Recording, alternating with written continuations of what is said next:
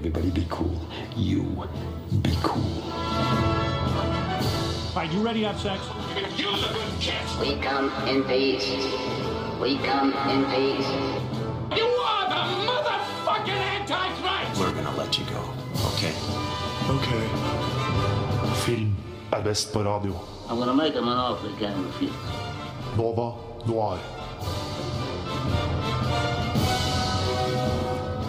Ofte når man snakker om hvorvidt en film er god eller ikke, trekker man fram ting som handling, skuespill eller visuell stil som værende overbevisende, troverdig eller meddrivende. Men dette er ikke de eneste parameterne man kan undersøke film gjennom. I dag skal vi nemlig snakke om en helt annen måte å konsumere film på, nemlig camp. Nærmere bestemt camp i sci-fi. Men før vi snakker om sci-fi-delen, kan det runde seg å gå litt mer inn på hva camp egentlig er. Camp er en form for stil eller sensibilitet, hvor man ser på et kunstuttrykk som appellerende pga. dets dårlige smak eller ironiske verdi. Selv om man kan snakke om kunstverk som værende campy eller kitsch, så er det mer en form for nytelsesstrategi, en performance som publikum tar på seg. Camp er gjerne assosiert med livlighet. Det skal være banalt, overdrevent, lettsindig og fokus på det tilgjorte. Og få sjangere har så mye potensial for overdrevenhet som sci-fi. Her kan man bygge sine egne små eller store verdener, hvor helt andre regler og konvensjoner kan eksistere. Og man kan leke med kostyme og settdesign i det uendelige. Nettopp derfor har vi valgt i dag å sette rette søkelyset inn på det man kan kalle sjangeren campy sci-fi, i et slags eh, historisk perspektiv, for å se om eh, vi ikke kan lære noe av hvordan camp har utviklet seg innenfor sjangeren gjennom årene. Vi starter på 50-tallet med Plan 9 from Outer Space. Så går vi videre til å snakke om Barbarella fra 60-tallet. Så Sardos fra 70-tallet. Predator fra 80-tallet. Og til sist Starship Troopers fra 90-tallet. Men før vi kommer så langt, vil jeg gjerne introdusere mine medverter her i dag. Ina Sletten Hallo! og Jørgen Skogsrud. Hei, hei. Og eh, hvordan eh, går det med dere egentlig? Hva har dere sett siden sist? Ina? Det går bra med meg. Eh, Det er jo, eller jeg er jo egentlig ganske eh, gira for tiden, for det er jo, eh, som de fleste vet, Oscarsesong. Og når vi tar opp det her, så har det ikke vært Oscarene enda. Men jeg er veldig på Oscarskjøret, så jeg har nylig sett den norske kortfilmdokumentaren som er nominert i, nominert i år, nemlig Do Not Split av Anders Hammer, som handler om eh, opprørene i Hongkong i fjor, eller 2019. Eh, ligger på NRK. Eh, tilgjengelig nå, bare en liten halvtime. Den er kjempe, veldig veldig sterk og, og kul dokumentar. Som eh, ikke egentlig prøver å vi overbevise deg om noe. For jeg føler ofte at sånne dokumentarer er vel sånn Og de er kjempeslemme, og de eh, Du må heie på denne siden av laget. Eh, eller denne siden i kampen.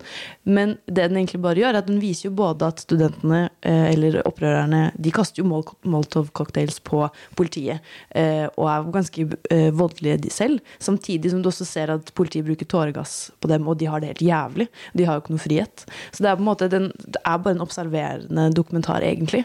Uh, som jeg syns er veldig kult. Det er nesten ikke noe fortellerstemme. Det eneste er sånn, sånn um, at de sier hvilken dato det er, eller hva, hvor de er hen. Men det er òg noen intervjuer med, med opprørerne. Men eh, utenom det så har den ikke så veldig mye mer å komme med enn det. Og det syns jeg er veldig, veldig kult. Spennende. Ja, det er kult. Hva med deg, Jørgen? Jo, det har gått fint. Jeg har hatt uh, veldig mye skolearbeid, så jeg har egentlig bare sett på The Sopranos litt sånn mellom slagene. Uh, Kost meg masse med det. Um, kommet gjennom sesong én, og det er uh, egentlig en ganske god serie, syns jeg. Jeg liker, er veldig glad i den der eh, New Jersey-dialekten. it- italienske Syns det er veldig fint at den, eh, den sitter så bra. Det, Mm. det der miljøet og kaffe, de sitter og drikker kaffe hele tida. Bare Gabagool. Gabagool. Det er et veldig, det er et veldig sånn fint miljø å være i. Og jeg får veldig sånn der flashback til sånn Scorsese-filmer, Goodfellas, hvor man bare sitter og henger med karakterene ganske lenge. da. Det er veldig mye sånn at du bare henger med Tony Soprano og er med på psykoterapitimene hans. og Det er masse drømmesekvenser og sånt også, så det er egentlig ganske fascinerende serie, syns jeg. Ja.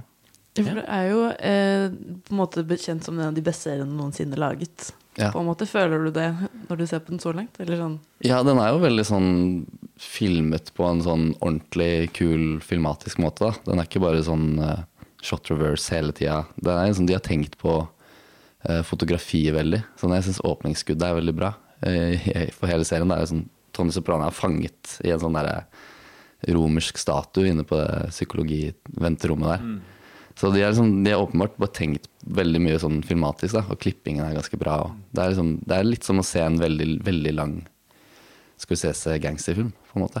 Eh, så det er jo det er bare The det, egentlig. Irishman, mener du? Ja, sånn veldig Ja. ja. Kjempelang Irishman. Ja. Hva med deg da, Alexander? Jeg har eh, sett uh, den nye David Attenborough-serien Life in Color. Eh, som jeg nå fant ut Jeg har sett eh, de to første episodene og halvparten av den tredje. Og jeg har funnet ut at det er bare tre episoder. Wow. Så jeg er helt kjempefrustrert. Jeg trodde, det, jeg trodde jeg hadde masse å glede meg å se fram til. Å sitte og se på eh, masse ja, naturbilder og fugler og dyr og i det hele tatt. Eh, og så er jeg allerede nesten ferdig. Så det blir skuffende. Men det er veldig mye, veldig mye liksom, interessant eh, kamerabruk. Og de, bruker, de er veldig mye fokus på det også. De vil liksom ha funnet opp forskjellige kameraer til å se på polarisert lys og til å se på liksom, mm. dyr og, og, og planter med UV-lys. Men jeg syns også den er litt vel repeterende. Det skjer liksom veldig mye av det samme. Den forrige David Attenborough-dokumentaren Den var jo veldig dyster. Det Ja. handlet om at, at verden holdt på å bli ødelagt. Føler du at det er det fortsatt enda mer episode med å være sånn Og så, dette kommer til å bli ødelagt om bare noen år hvis vi fortsetter på den måten vi, vi holder på med? Eller? Nei, det er egentlig bare fokus på, på fargene og fargebruk. Det er veldig lite, det eneste man ser til mennesker i den serien, er egentlig man ser David Attenborough, som på en måte for første gang dukker opp i hvert fall vidt jeg har sett, i sine egne kommentarer. Det er egentlig ganske interessant. Han er jo blitt så gammel! Men, eh, men man ser han, så ser man de, de forskjellige som har liksom hatt med opptakene å gjøre. Da. Forskjellige eh, forskere og kamerafolk. Eh, liksom behind the scenes-opplegg. Det er egentlig ganske, ganske interessant. Men eh, nå skal vi gå videre til eh, å snakke litt om eh, hva vi synes om camp. Men før vi gjør det, så skal vi høre en sang, nemlig 'Runkeguttens død' av Sliten Eliten. You feel that?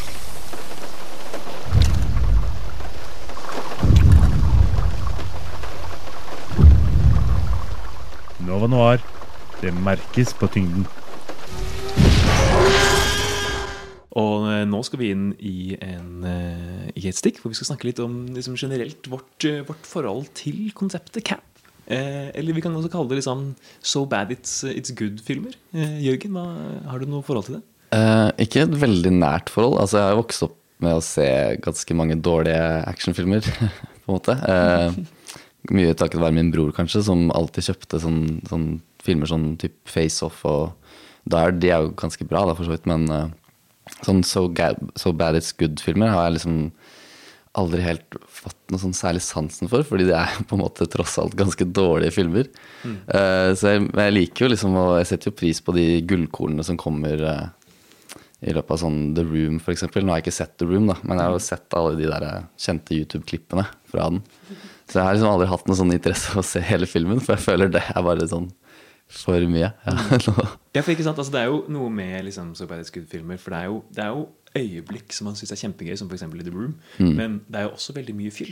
The Room er jo kjempelang. Ja, det er Man skal jo sitte der en evighet for å få, måte få høre eh, 'Lisa, you're tearing me apart' og alle de greiene der som man på en måte kommer for, for å se. Eh, jeg kan jo si at eh, jeg eh, lenge hadde liksom et, et, et liksom negativt forhold til sovjetiske. Synes Liksom, skjønte ikke helt konseptet. Men så begynte jeg å se på eh, Steven Segal-filmer. Eh, og det har jeg blitt veldig glad i etter hvert. Syns rett og slett det er kjempegøy eh, å sitte og se på denne mannen prøve å lage actionfilmer. Og det er så, det er så gøy måten, måten han iscenesetter seg selv på i disse filmene, særlig i de siste, da, hvor han, liksom, hvor han eh, lager for det meste filmer i, i Øst-Europa og får med seg en eller annen russisk eh, stakkars eh, modell til å spille hans love interest. eh, hvor, han, hvor de liksom har sexscener hvor han er fullt påkledd fordi han er blitt for feit. det, er, det er rett og slett Jeg syns det er kjempegøy. Men det jeg, føler, jeg er heller ikke sånn kjempefan av de der ja, So Bad Good-filmene. Men det er det jeg føler at eh, science fiction gjør litt annerledes. Eller når det er da dårlig science fiction, så er det også ekstra gøy pga. dette med eh, fremtidsbiten. At det er ofte sånn utrolig mange dumme duppeditter, eller eh, bare rare måter de har valgt å endre på fremtiden. Sånn hypoteser om hvordan vi kommer til å eh, bli. Jeg føler sånn Mm. Dårlig romantiske komedier, f.eks. Det er jo bare dårlige romantiske komedier som er i dag, og det er bare dårlig dialog og, eller eh, dårlig action, på en måte. Mens med science fiction så blir det bare ekstra tullete. Og da føler jeg på en måte det er liksom verdt det å sette seg ned og bruke halvannen time på noe som egentlig ikke er så veldig bra.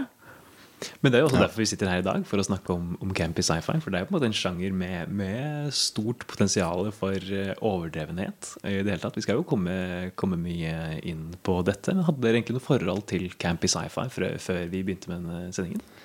Ja, du har sett eh, Predator eh, mange ganger, da. Så den er jo et ganske nært forhold til, egentlig. Mm. Det sett mye i barndommen. Og de duppedingsene der er jo ganske kule. Men, Altså, Jeg har en lillebror som er veldig glad i monsterfilmer.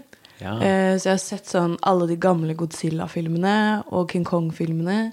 Og jeg føler at mange av de går innenfor hvert sånn Godzilla og sånn, går veldig innenfor den derre Det er så utrolig teit! Og, eh, eh, og overdådig og ja, eh, mye, rare, mye rar ordbruk. Og så da veldig mye rar science fiction eh, imellom der også. Jeg føler på en måte Det har vært en mer sånn Det er en hyggelig ting, men det er aldri- egentlig hadde jeg sånn oppsøkt aktivt selv. Det har bare falt i fanget mitt på en eller annen måte. Mm. Det er jo på en måte en sjanger som, som nyttes best i godt lag og med god øl, på en måte, det har vært min erfaring. At det, på en måte, det, er, det er noe man på en måte skal se sammen. Det er, det, er, det er ikke så mye vits å se det alene. Nei. Det har vært min opplevelse med det. Nå må jeg innrømme at Første gang jeg så Predator, var faktisk, eh, faktisk alene. Og det syns jeg egentlig var veldig morsomt. Eh, vi skal jo kanskje Det krangle er litt. er veldig uenig om. vi skal kanskje krangle litt om den filmen, men eh, vi kan spare det til, eh, til når det kommer. Men jeg føler at det er veldig gutta. Er det riktig å bruke? Jeg føler det er en veldig, altså sånn Campus science fiction det er veldig sånn typisk sånn Nå skal guttene samle seg, drikke litt Ja, øl og se på tacky Arnold I Schwarzenegger. hvert fall Predator er veldig sånn. Veldig.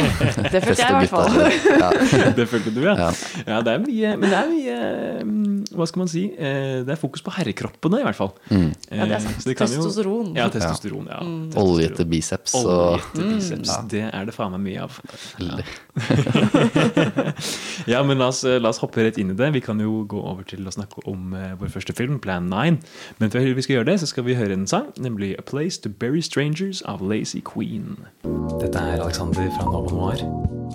Og i en tid når man ikke fritt kan gi klemmer, ønsker jeg på vegne av hele redaksjonen å gi deg, kjære lytter, denne soniske klemmen. Som en takk for at du lytter, og for å forhåpentligvis gi en liten positiv boost i en ellers kjedelig hverdag. I tillegg har jeg denne lydmessige godbiten til deg, nemlig min favorittlyd. Den av en kald Ringnes som åpnes. Det var død av Sliten Eliten. They come from the bowels of hell, a transformed race of walking dead. Zombies guided by a master plan for complete domination of the earth. Plan 9 from outer space.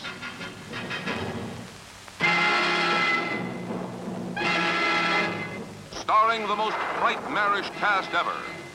Bella Lugosi, the seductive Vampira, and Thor Johnson as the Walking Dead. Turn off your electro gun! No! Plan 9 from eh, Outer Space er eh, skrevet, eh, regissert, klippet og produsert av Edward D. Wood jr. og kom ut i 1957. Den er vel kanskje mest kjent for å være en av filmhistoriens dårligste filmer, og er en slags har oppnådd en slags kultstatus da, som en sånn must see på lister over filmer som er så dårlig at det er bra. Men den er kanskje egentlig bare mest uh, dårlig. Um, handlingen foregår i Hollywood, uh, primært på en kirkegård uh, ved en grusvei og et hus. Og så er litt, De er litt inne i romskip og sånn, men det er stort sett ganske få locations i denne filmen. Og det handler om altså en rekke karakterer som må deale med et, en invasjon av romvesener, som veldig bekreftelsessyke romvesener. Som eh, har lyst til å ødelegge jorden eh, fordi vi er uansvarlige bombemakere, tror jeg. Um, og det er en ganske usammenhengende, rotete film, men eh, den Ja, altså Plan 9 from Outer Space. Ja, fordi eh, vi så denne filmen sammen, alle tre. Eh, og det tror jeg var utrolig nødvendig. Fordi denne filmen varer i 1 time og 19 minutter. Men det føltes som tre timer. Jeg skjønner ikke hvordan det kan ha tatt så lang tid. Altså, det, er, eh, det er den treigeste filmen jeg har sett, tror jeg. Det var helt utrolig. Akt to i denne filmen her var bare et snegletempo. Og bare fullt av kalkunprestasjoner og usammenheng og logiske brister hele veien. Ja, nei. Det er helt eh, Vi kan, jo, vi kan jo nevne litt kjapt at vi har jo ikke sagt det tidligere, men vi kommer til å spoile alle de filmene vi skal snakke om, eh, om i dag. Eh, og vi har jo da sett Plan 9. Eh, kanskje litt sånn at du, eh, kjære lytter, slipper. Og vi kan jo prøve å liksom snakke litt om ja, altså handling osv. Eh, hva jeg, jeg, jeg vet, ja, Hvor skal vi begynne? Ina, vil du ta, ta over?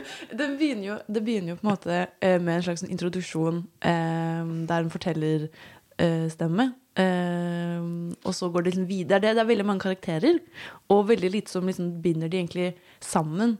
Uh, og jeg føler at det liksom dårlig, filmen generelt er ganske dårlig på å bekrefte sånn Det er han du så i stad. Og dette er han de, uh, veldig rar, eller sånn, Jeg husker aldri navnene på karakterene. Og du blir aldri sånn introdusert Eller du føler, føler ikke at du følger én spesifikk person heller. Så jeg føler det er på en måte en av de største bristene allerede der. Da, at det er ingen uh, hovedkarakter eh, i det hele tatt, utenom han piloten, kanskje. Ja, jeg tror de introduserer Bella Lugosi sin karakter først. Ja, og så er det liksom en hel begravelsessekvens. Og så introduserer de piloten. Og så er det en general plutselig. Og det er liksom veldig vanskelig å følge med. da Rollegalleriet i det hele tatt er jo veldig forvirrende, og hvordan det hele henger sammen. Og hvorfor på en måte Helt mot slutten der så er det jo på en måte en slags konfrontasjon hvor en oberst og en politimann og denne piloten da skal liksom konfrontere disse, disse utomjordiske vesenene. Og man, man skjønner liksom ikke helt hvorfor disse tre er liksom samlet der for å gjøre dette her sammen heller. Og hva er det som skjer med Bella Lugosi sin karakter, hvor vi på en måte først får introdusert The Old Man som mister sin kone, som for øvrig er utrolig mye yngre enn han. Eh, og så. Spiller vampyrer med verdens minste midje. Eh, og så ser vi på en måte at han liksom kommer ut av huset sitt og er sånn Å, han er så trist. Og lukter på en blomst. Og så bestemmer han seg for aldri å komme tilbake igjen. Og så er han død. Ja, Han bare dør, han dør der og da. Han bare dør der og da. Og så ser vi han liksom Det er to, da, to scener som da er spilt inn som vi ser liksom på repeat om og om igjen. Og ellers så er det en eller annen skuespiller som skal spille den samme karakteren som åpenbart ikke er Bella Lugosi. Som bare går rundt med denne kappen hevet liksom foran ansiktet som om hun er Dracula. Ja, Det er jo sånn de skjuler at han ikke er Bella Lugosi. Er bare at Ja. han holder den kappen foran fjeset. Og så skal vi liksom ikke da, Vi skjønner jo at det, dette er jo ikke Bella Han er mye høyere. Og Ja. han ser mye yngre ut også. Ja, han har ikke hvitt hår. Mye, mye liksom mer, eh, mer hår også. Eh, og eh, hva er greia med Plan 9? Fordi vi får jo da vite etter hvert at disse utebordiske vesenene har jo da eh, fantes De har jo vært på jorden lenge. og prøver å få vår oppmerksomhet, virker det som i starten. At de på en måte egentlig bare vil at verdens regjeringer skal anerkjenne at de eksisterer. Og det er liksom deres motivasjon. Og så, for å oppnå dette, så starter de da Plan 9. Ja. Som om da plan 1 til 8 har fungert. Plan 9 er jo da Jo, vi vekker de døde for å Jeg vet ikke. Det er en veldig komplisert plan. Det er en veldig komplisert ja. plan. Og likevel er det på en måte der én fyr og en dame som blir sendt ned til jorden for å oppnå dette her, eh, og vekker da to og etter hvert tre mennesker på døden.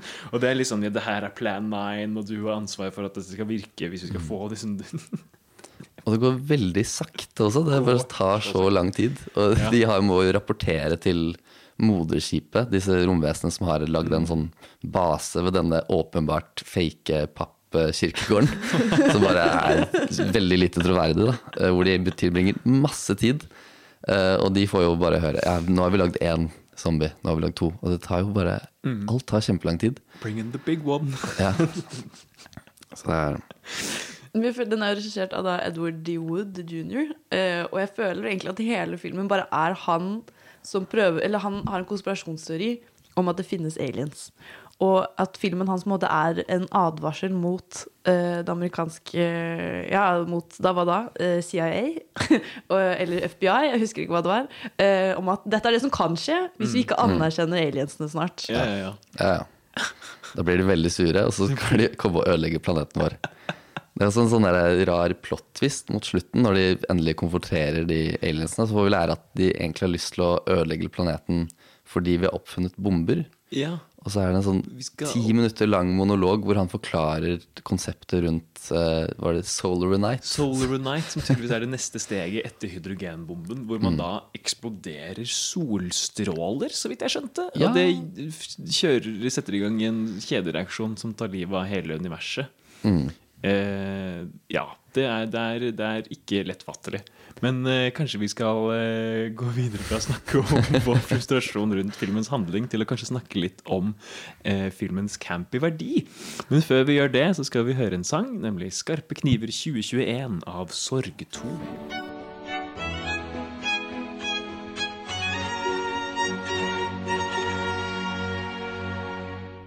Hi, I'm Billy Boyd, and you're listening Nova Noir. Det var altså 'Skarpe kniver 2021' av Sorg 2. Eh, og nå skal vi gå litt inn i å snakke om eh, Plan 9 i liksom en campy eh, Med liksom de camp- camp-brillene, da, la oss kalle det det. Eh, fant vi noe egentlig å, å sette pris på med denne filmen, når vi liksom leser den på en, en, eh, en ironisk måte, kanskje? Ina? Det jeg vil, og som egentlig går igjen i alle, eh, i alle um, filmene vi skal snakke om i dag, er jo at det er en uh, Jeg elsker jo å se hva fremtiden ser ut motemessig. Eh, og det føler jeg også er gøy å følge med på i Plan 9. Fordi du får da se disse romvesenene, som er mennesker for øvrig. Um, uh, men de har på seg da Det er jo sort-hvitt, så man ser ikke fargene, dessverre. Men eh, de har på seg sånne silketunikaer. Eh, og eh, mannen har på seg sånn Han Eros Han har på seg sånn magebelte med noe, noe trær på, og noe, noe former på. Eh, veldig sånn eh, Ja, ser litt ut som sånn Ja, magebelte, rett og slett. Og eh, kvinnen har på seg et litt tynnere belte, og så går de rundt i tights. Og det bare glinser, og det ser eh, veldig bra ut. Og så når de møter da eh, Når de møter da sjefen over, over, over Eller deres sjef, da, så har han på seg sånn våpenskjold på brystet som ser ut som han er fra middelalderen. Ja. Som jeg heller ikke forsto helt. Uh, han ser jo ikke like kul ut som de to andre, uh, men eh, jeg, synes, jeg satte i hvert fall veldig pris på Og det føler jeg igjen er veldig campy. At, eller bare science fiction. At det bare ser jævlig ut, men veldig, på en veldig fin måte. Jævlig ut på en film. ja. Uh, ja, nei, men Det er jo på en måte åpenbart at uh, de har plukket litt de har funnet i sånn kostymeavdelingen. Det er jo ikke en film som på en måte har et veldig stort budsjett. Den er jo laget liksom altså, det er jo det som skinner gjennom denne filmen. her er jo, eh, Man kan jo på en måte snakke om de neste filmene vi snakker om, eh, hvorvidt de har liksom en bevissthet rundt deres campingverdi. Mm. Denne filmen her har jo ikke det. Den er jo fullstendig naiv i forhold til liksom dens mottakelse. Jeg tror, altså Nå har jeg ikke veldig mye basert dette her på, men jeg har sett Ed, Ed Wood, den, den Tim Burton-filmen med Johnny Depp. Eh, og der får man iallfall inntrykk av at eh, Ed Wood rett og slett tror på sin egen visjon, og tror at det her er en god film som folk vil sette pris på, som vil liksom treffe en nerve. Og det kan man jo si, den har jo gjort det, da. Den har jo truffet en nerve. Ja, den har jo liksom levd eh, Har jo ganske lang levetid etter den ble lagd. Den har jo liksom oppnådd det kultstatuset. Men jeg føler ikke det er pga. Ed Wood sin eh, på en måte innsyn inn i eh, at det fins romvesener. da, Og at eh, Han ville jo på en måte forfekte den agendaen veldig mye i filmen, men Men jeg føler den også er ganske sjangerforvirret. For det er jo en science fiction-film, fordi det, det er jo romvesener og, og eh, Men det er jo også en vampyrfilm, og også en slags zombiefilm. For det er jo det, de vekker jo disse de døde, og da er det da vampyrer. Som har jeg da, som du nevnte, Alexander, verdens minste midje. Og eh, ser jo ut som en sånn typisk eh, gammeldags vampyr. Og så er det jo eh, Bella Lugosi, som også er kjent for å være vampyrmann. Eh, og, og så kommer da The Big One, eh, som også er en slags zombie, for han ser bare ut som Ja. Han går bare går med hendene fram og er samme ansiktsuttrykket i ja, hele filmen. Hele filmen. og de bitte små øynene sine. Ja, Veldig skumle øyne, egentlig. Det var det skumleste med filmen. var øynene til The Big One, syns jeg. Ja, Big one. veldig ekkelt. Mm, Skummel fyr. Absolutt skummel fyr. Men, eh, men vi, vi må jo innrømme at vi, vi lo jo en del gjennom denne filmen. I starten. eh, I starten. Ja. Særlig i starten. Det er kanskje en gjenganger det at, det på en måte, at eh, det er lettere å le i starten før man blir liksom lei. For det er ganske mye med denne filmen som man kan bli litt lei av. Det er veldig mye gjentagende elementer. Den, de samme, de samme skuddene går jo igjen, igjen og igjen. Og man ser den samme politibilen kjøre ned den samme grusveien hva da 15 ganger gjennom denne filmen. Fra høyre til venstre hver gang. Ja, ja, alltid. Og så plutselig bytter det bil, og så er det, Ja. så er det veldig mye sånne rare greier. Så jeg tror den- kunne lett ha blitt kuttet ned til sånn 40 minutter, Ja. eh, tror jeg. Sånn, de kunne bare fjerna hele akt for det skjer jo ingenting. Det går jo ingen veier. Så jeg tror Det er sånn Det er en scene hvor at Big One kidnapper hun eh, kona til piloten. Og det Ja. bruker han sånn Det virker som det tar en halvtime for han å bare gå fra, oi, gå fra basen bort til bilen. Han bruker så lang tid. Han er så treig. Så er det jo en scene hvor de angriper når, når ufoene blir eh, skutt på.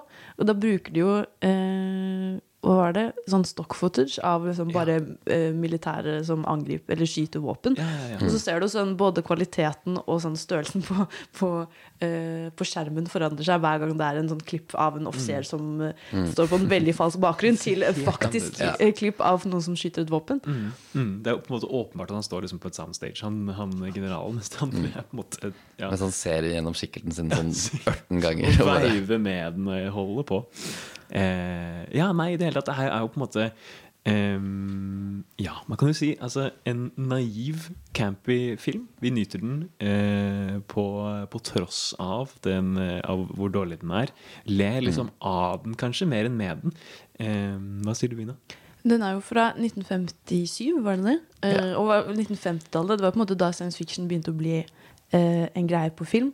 Eh, og jeg føler på en måte at ehm, For at den har jo blitt campy med årene. Den var jo ikke campy når den kom. For da var det jo heller ikke så mye å, å etablere hva som var sånn campy science fiction. For det var jo ikke så mye annet eh, enda. Men eh, den har jo i ettertid da ser man jo på en måte at den både har hatt sikkert noen effekt på hva folk eh, har gjort eh, senere. Jeg vet ikke om man kan se så mye eh, ringvirkninger. Men eh, jeg føler i hvert fall at den ja, ikke er det med vilje, men absolutt har fått et nytt liv i, i dag. Nettopp fordi den kan kategoriseres som en slags campy. Ja, en sånn proto-camp mm. sci-fi-film.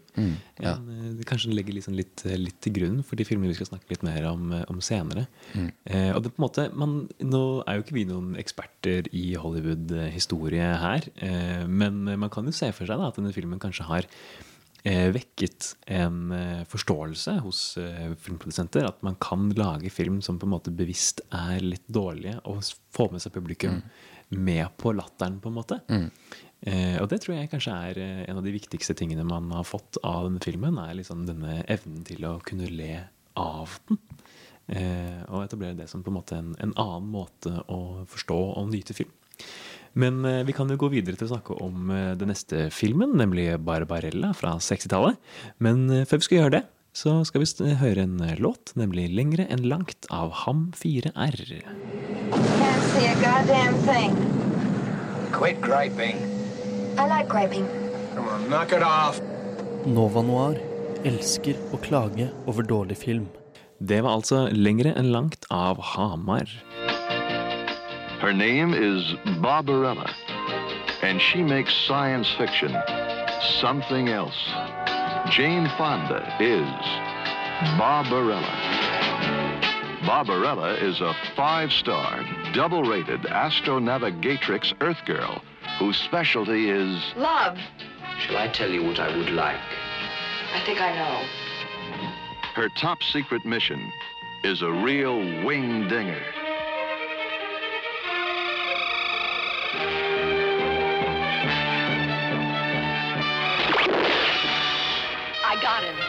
Nå skal vi snakke om Barbarella, eh, som handler om kvinnen med samme navn, spilt av Jane Fonda, i en fremtid hvor vold, krig og alle andre lugubre greier er utryddet. Barbarella blir satt til å finne samt stoppe det onde geniet Duran Duran, som er i ferd med å utvikle supervåpenet eh, The Positronic Ray. Ferden tar henne til Tauseti-regionen, og reisen blir et slags Trollmann til Os-eventyr, hvor hun støter på en rekke ulike problemer og karakterer. I motsetning til Dorothy er ikke dette karakterer som skal hjelpe henne finne den onde mannen, men som heller bidrar til Barbarellas menneskelige og seksuelle oppvåkning. Frivillig eller ei. For det er på en måte det som driver hele denne filmen, er jo nettopp det at eh, Barbarella får ligge for første gang. Ja, det skjer i hvert fall ganske tidlig. Eh, om det er helt frivillig eller ei. Hun virker jo på en måte som hun er ganske med på det. Eh, helt fram til han sier at nei, men vi skal gjøre det på den gode, gamle måten. Vi skal ikke ta noen piller, vi. Fordi ja, i dette universet så er det jo da Man har jo da gått fra å Eh, vi kan på en måte starte med altså det her er jo da en, en framtidsvisjon hvor eh, alt av liksom vold og, og, krig og konflikt er liksom utryddet. Og eh, Barbarella er en slags agent fra jorden. Hun er astronaut. Hun er astronaut. Ja. Hun bor på det romskipet, i hvert fall. Hun bor på det romskipet, ja. Helt mutters alene. Ja. Eh, kler av seg på seg eh, hele tiden. Mm. Sover på sånn plastseng. Ja, sånn. gjennomsiktig På magen. plastseng. På magen, ja. Mm. Ideelt. Ideelt.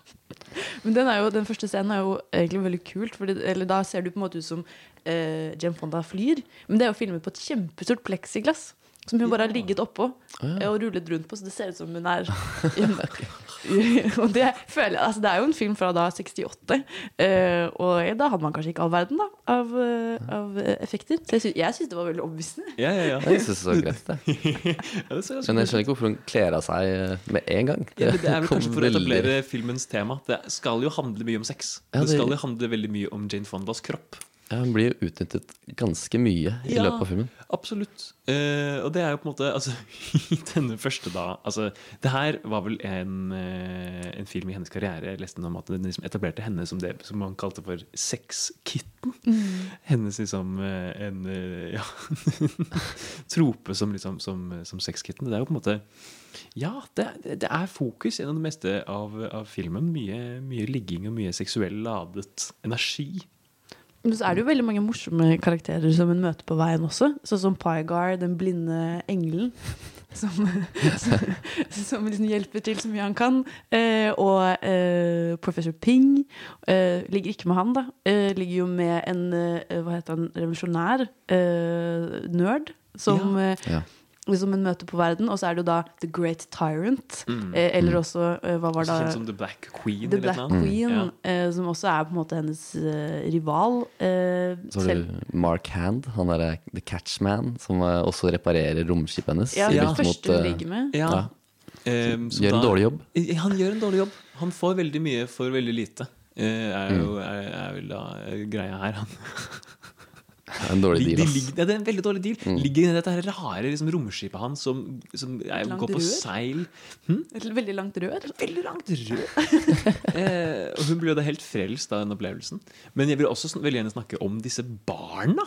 Som er da scenen før, før hun blir reddet av denne, denne, denne jegeren. Av, av, av, hvor hun da på en måte lander på denne planeten. Krasjlander vel, egentlig. Eh, og møter på masse barn. For selv om denne filmen her er veldig liksom, seksuelt ladet og opptatt av sex, så er det Barna er jo bare ondskapsfulle, de få barna som dukker opp.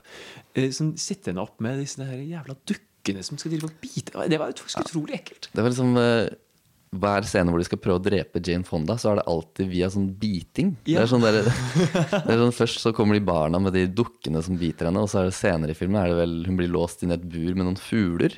Ja, som også stemmer. skal prøve å bite henne i hjel. Og det, liksom, det er- virker som en veldig lite effektiv måte å få det gjort på. Men det er jo en unnskyldning til at eh, Jane Fonda skal bytte antrekk. Ja, det er det. Ja, For det gjør hun jo kanskje hva, ti ganger i løpet av Mm. Alltid et bra kostyme, dog. Absolutt. Ser veldig bra ut. Den halen, den der lange fjæren som, Ja, som kan- fester seg i dørene. Det er Hun kan Veldig velge flott hvilken pels hun vil, og så velger hun en pels med en kjempelang hale.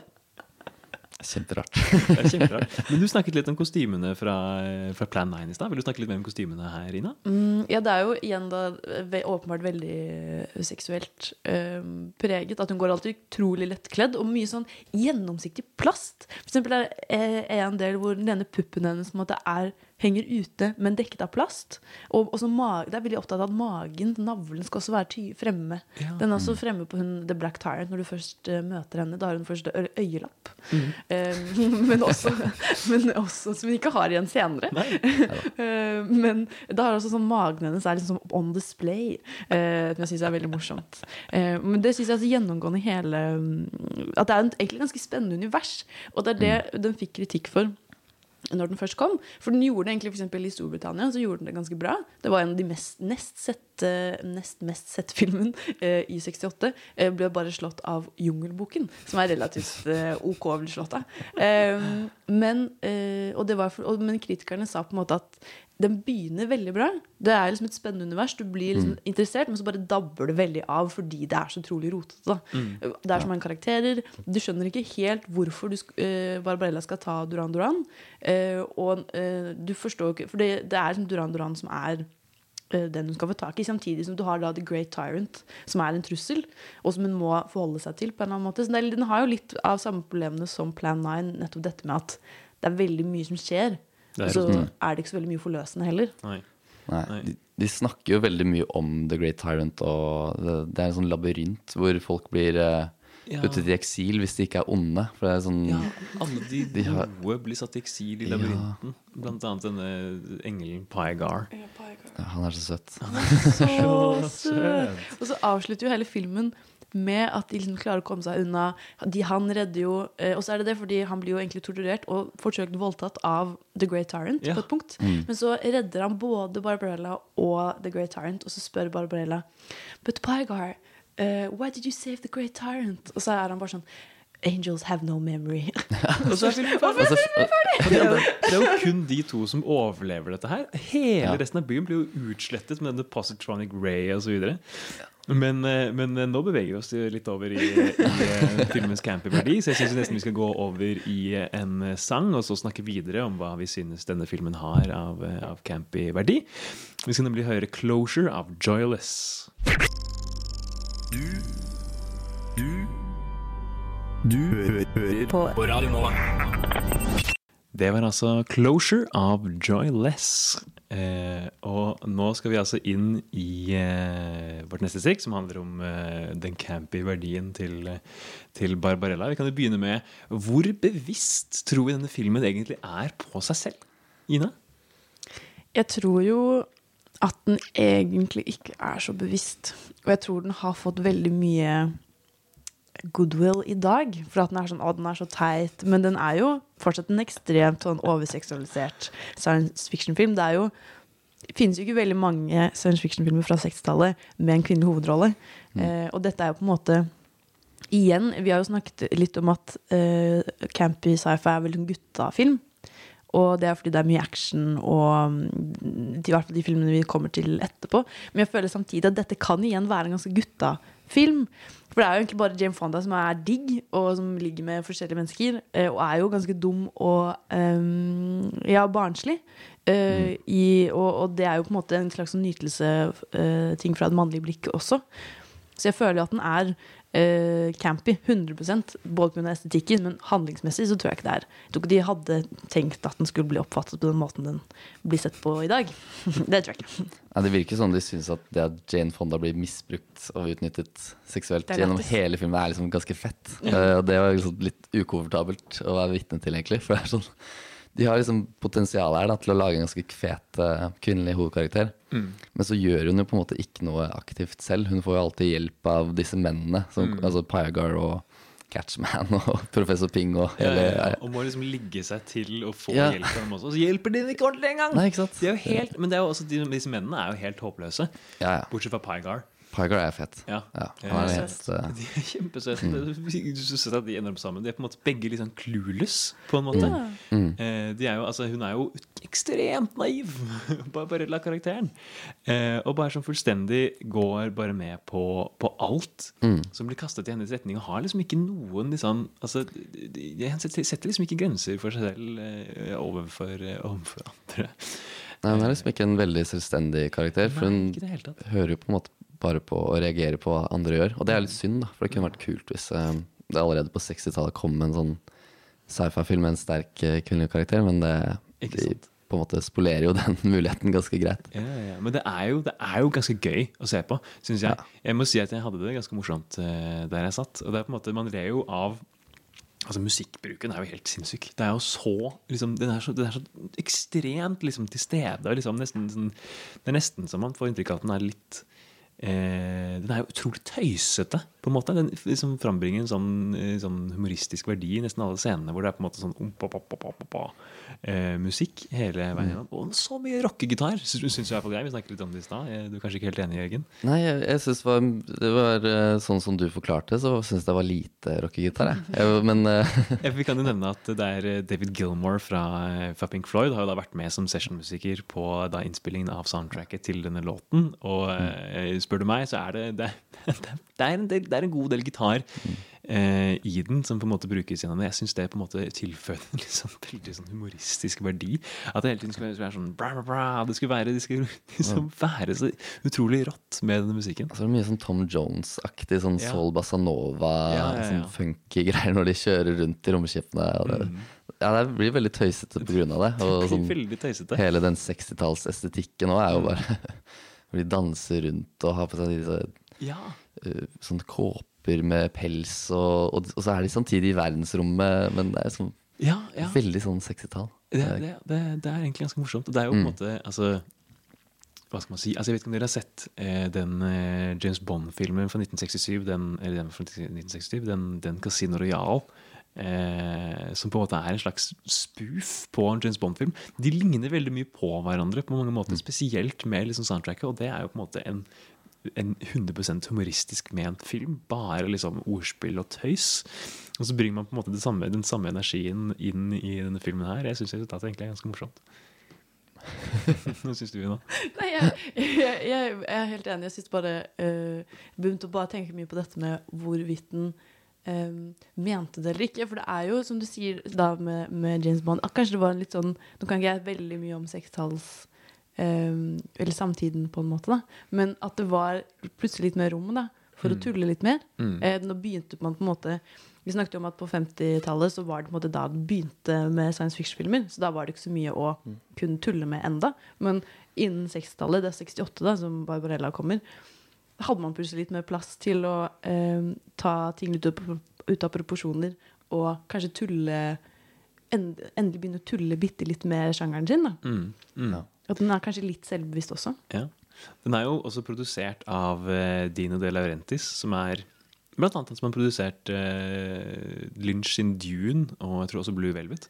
Men jeg leste også at han på en måte egentlig ifølge mange av de som jobbet med han, var mest opptatt av å lage en billig film istedenfor å lage en god film. Og det tror jeg på en måte også skinner igjennom.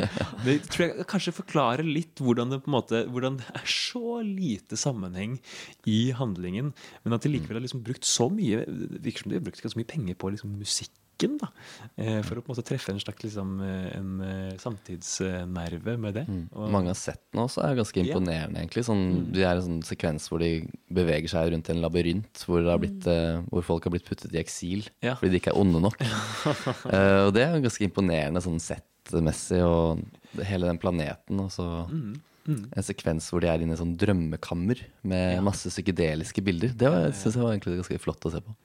Det føler jeg også gjennomgående i alle filmene. At det er vel sånn psykedelisk følelse Mm. eh, med dette mye sånn farger og mye sånn flytende sånn eh, Eller sånne sekvenser hvor ja, ting flyter litt inn i hverandre. Da, Mm. eh, og blir ja, da veldig drømmende.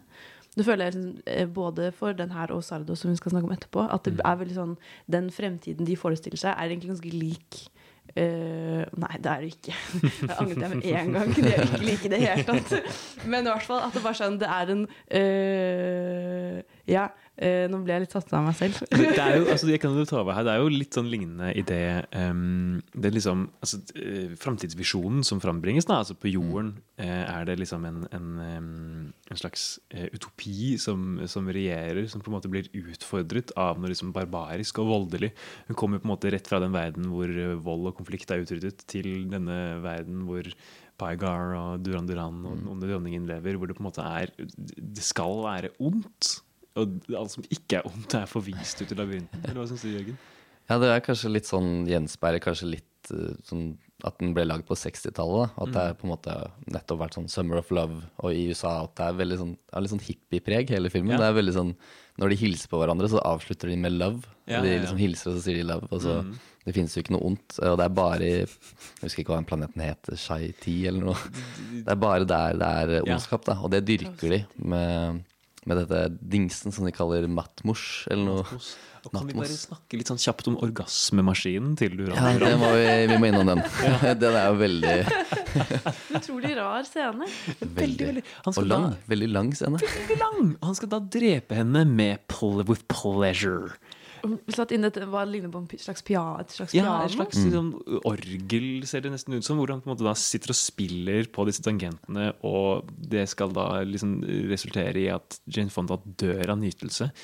Men så er hun da for sterk, eller hun, maskinen kaller, klarer ikke å holde, trått, holde tritt med henne, er vel liksom greia. Og så blir hun så utrolig svett. Så hun har sånn, hun er først er veldig svett i ansiktet, men håret hennes var jo så Ja, svettedråper. Det stemmer det er så intenst.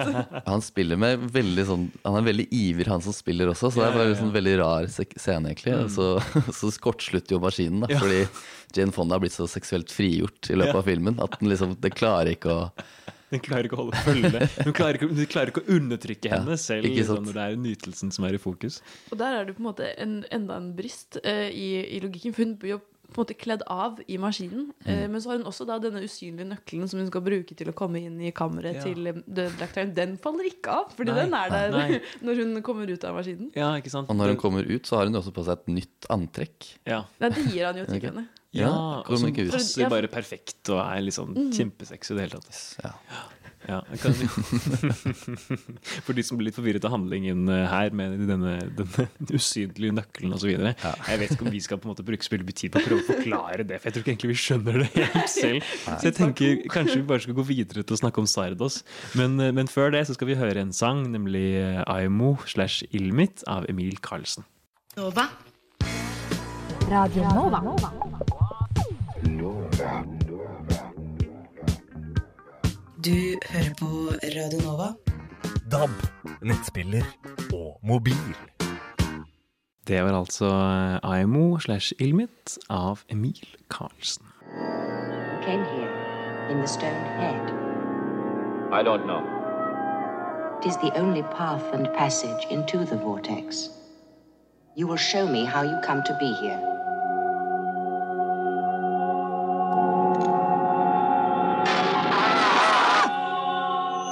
Tell me everything. My name is Zed. For Bozandos. I am an exterminator.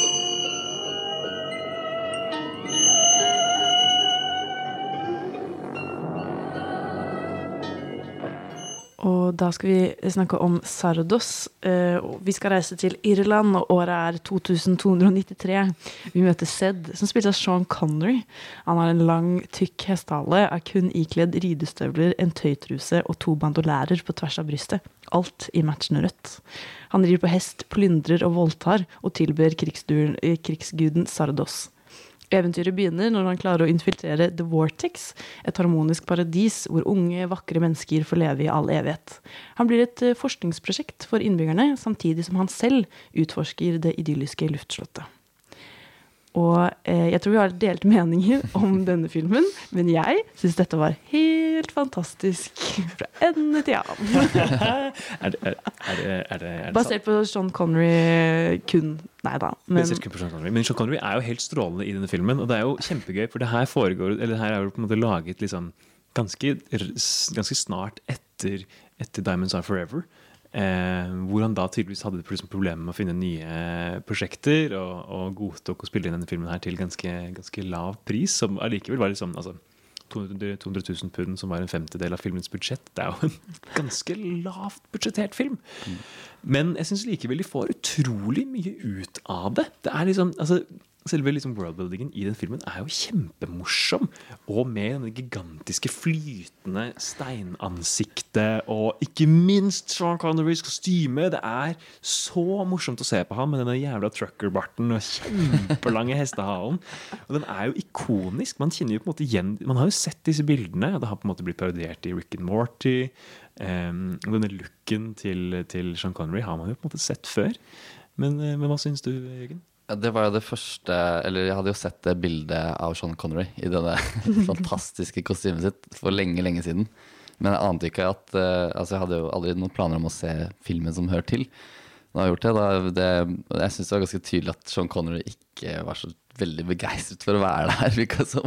Han, Han spiller veldig stivt og ser litt sånn lei seg ut føler jeg, i hver scene. Og reagerer veldig sånn treigt. og- Men det kostymet er bare helt fantastisk. Det er kanskje det beste i filmen. Men um, utover det så var jeg ikke så veldig fan. Jeg må si at jeg led meg litt gjennom uh, store deler av filmen. Uh, Men, men hva var det du ikke likte? Jeg bare syns uh, Jeg syns det hadde vært mye kulere hvis de hadde fokusert mer på det. eh, Fordi um, i starten så Han kom jo veldig tidlig inn i det der Vortex-verdenen, hvor det er sånn utopi og alle lever fryd og gammen. Men og så får du på en måte avslørt senere via flashback da, hvordan han kommer, hvordan han infiltrerer seg. Og jeg syns det var den delen som liksom var ganske spennende. Så hvis jeg hadde fokusert mer på det, og mindre på liksom sånn genforskning og ereksjonstesting, av sånn Connery, så hadde jeg kanskje vært litt mer eh, Så du vil ha mer heistfilm? Det er det du egentlig vil ha? Typ, ja. men eh, det var jo mye fine gullkorn uh, spredd utover, da. Men jeg syns det var ganske langtekkelige greier, altså. Det, det som dreper den for min del, er liksom den tilgjorte filosofien som, som eh, kommer mot slutten av filmen, hvor det på en måte skal snakkes så veldig mye om å, vi vil heller på en måte leve liv hvor vi kan dø, og ja, hvor det på en måte er konsekvenser, bortsett fra at man på en måte blir gammel. For det er jo liksom det altså Disse menneskene i denne Vortex-verdenen er jo da udødelige, men Og alt skjer via demokrati. Det er jo en slags, slags sånn ekstrem slags uh, demokratisk uh, utopi. Um, og det er uh, Altså, måten man straffes på da, hvis man gjør feil i dette universet, er ved å bli altet eller bli gjort til en renegade, hvor man da er senil, egentlig, i en sånn liksom slags Restaurant? Er det ja, det der? er i? en Kafé? ballsalsted Ja. hvor de bare går rundt og er senile. Men den er jo egentlig ganske lik Barbarella, nettopp i dette at det er en framtid hvor En, eller en, en i gåsehudene ideell fremtid, hvor alt på en måte er fredfullt, det er ingen vold, vold eh, det at liksom han er jo på en måte en, kalles, uh, Sean Connery kalles jo for en, en brutal, um, mens de er eh, da Eternals. Uh, og så har du i da denne den vortexen, så er det de du nevnte, The Renegades, som er de gamle, gale menneskene som liker å ha det gøy, virker det bare som. Og så har du da The Apathetics, som er bare en by hvor alle liksom står helt sånn eh, bare står stille og ser bare veldig sliten ut. Og gjør ingenting. Og det er eksempel en veldig ubehagelig scene hvor Zed eh, har lyst til å voldta en av eh, kvinnene. Eh, men så vil han ikke voldta henne likevel, fordi hun ikke gjør noe. Da er det ikke noe gøy. Eh, så det er jo utrolig ikke greit. Kaster henne rundt. Ja. Forsvinner inn i øyet. og det er på en måte igjen denne Det er jo flere filmer som ta, virker som de tar opp det. Det virker som de er på vei inn i en fremtid hvor vi liksom vil være så rene som mulig. Og egentlig vil poengtere at dette er en dårlig ting. At det å være eh, Det er jo for eksempel vi, når vi vurderte hvilke filmer vi skulle snakke om i dag så eh, vurderte vi også å ta opp The Demolition Man med Sylvester Stallone. Eh, som også handler mye om dette, da. eh, en fremtid hvor alt vold er borte. Og det er jo ikke veldig praktisk hvis det plutselig kommer en som kan veldig mye om vold. Ja. ikke sant? Eh, og at sånn, man har lyst til å spise bacon og røyke sigaretter og ta sånn øl i ny og ne, uten at det er feil.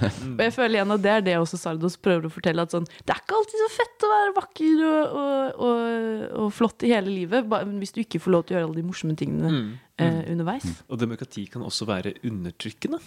Som ek- eksemplifiserte han Friend, som bare, bare til slutt har en sånn fullstendig bare sånn sammenbrudd når de har en sånn stemmerunde mot hate eh, women! I hate women, sier han.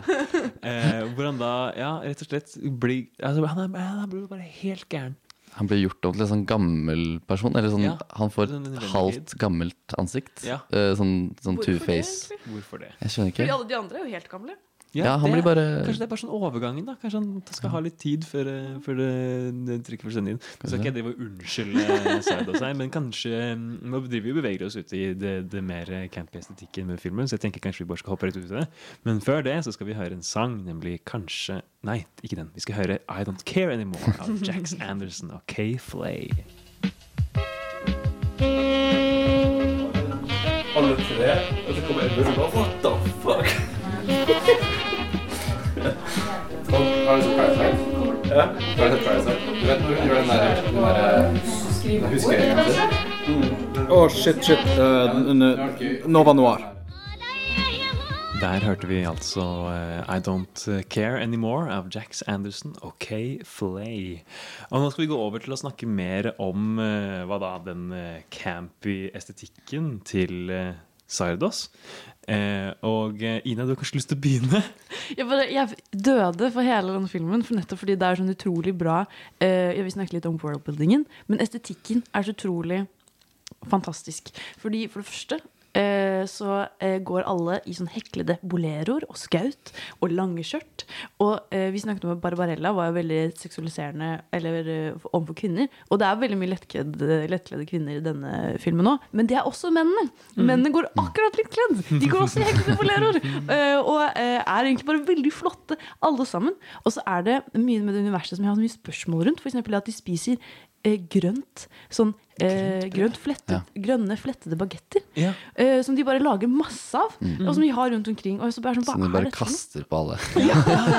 kaster på disse, disse apathetics. Ja, ja. Mm. Og det er det som jeg bare har så mange spørsmål rundt universet, og det føler jeg i seg selv er et godt tegn. For det Mm. viser at det er ehm, Jeg syns ikke det er for overveldende, fordi de gir meg nok informasjon til at jeg eh, klarer å følge med. Samtidig som jeg sitter og er sånn Jeg vil, jeg vil ha mer! Jeg vil vite mer! Mm.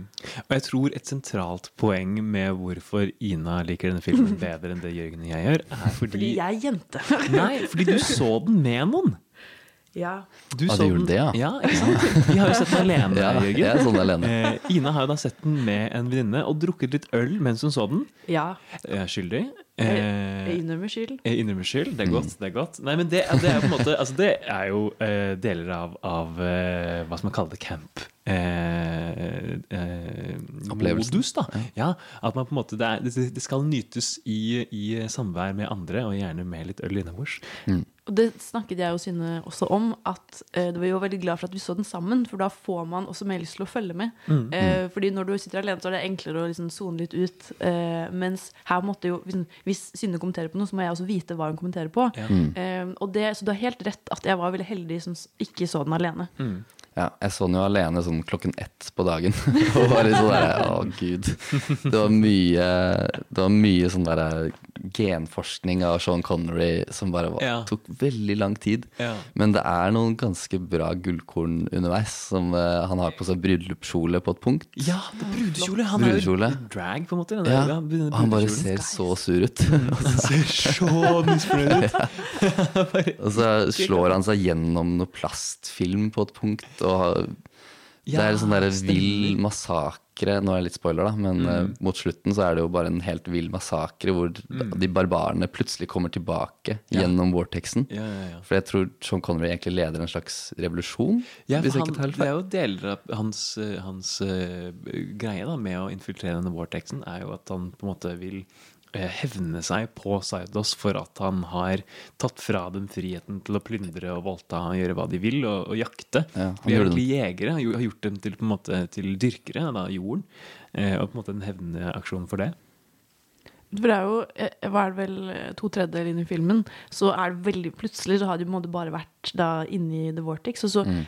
Begynner plutselig Det kommer alle plot-twistene, for det er veldig mange Ja, ting som skjer på en gang. Blant annet dette da at eh, Sardos, som er det flyvende eh, steinhodet, eh, viser seg å være da eh, scam fra en av The, the Eternals eh, som har lurt da eh, The Brutals til å tro på den. Og fordi Zed lærer seg å lese.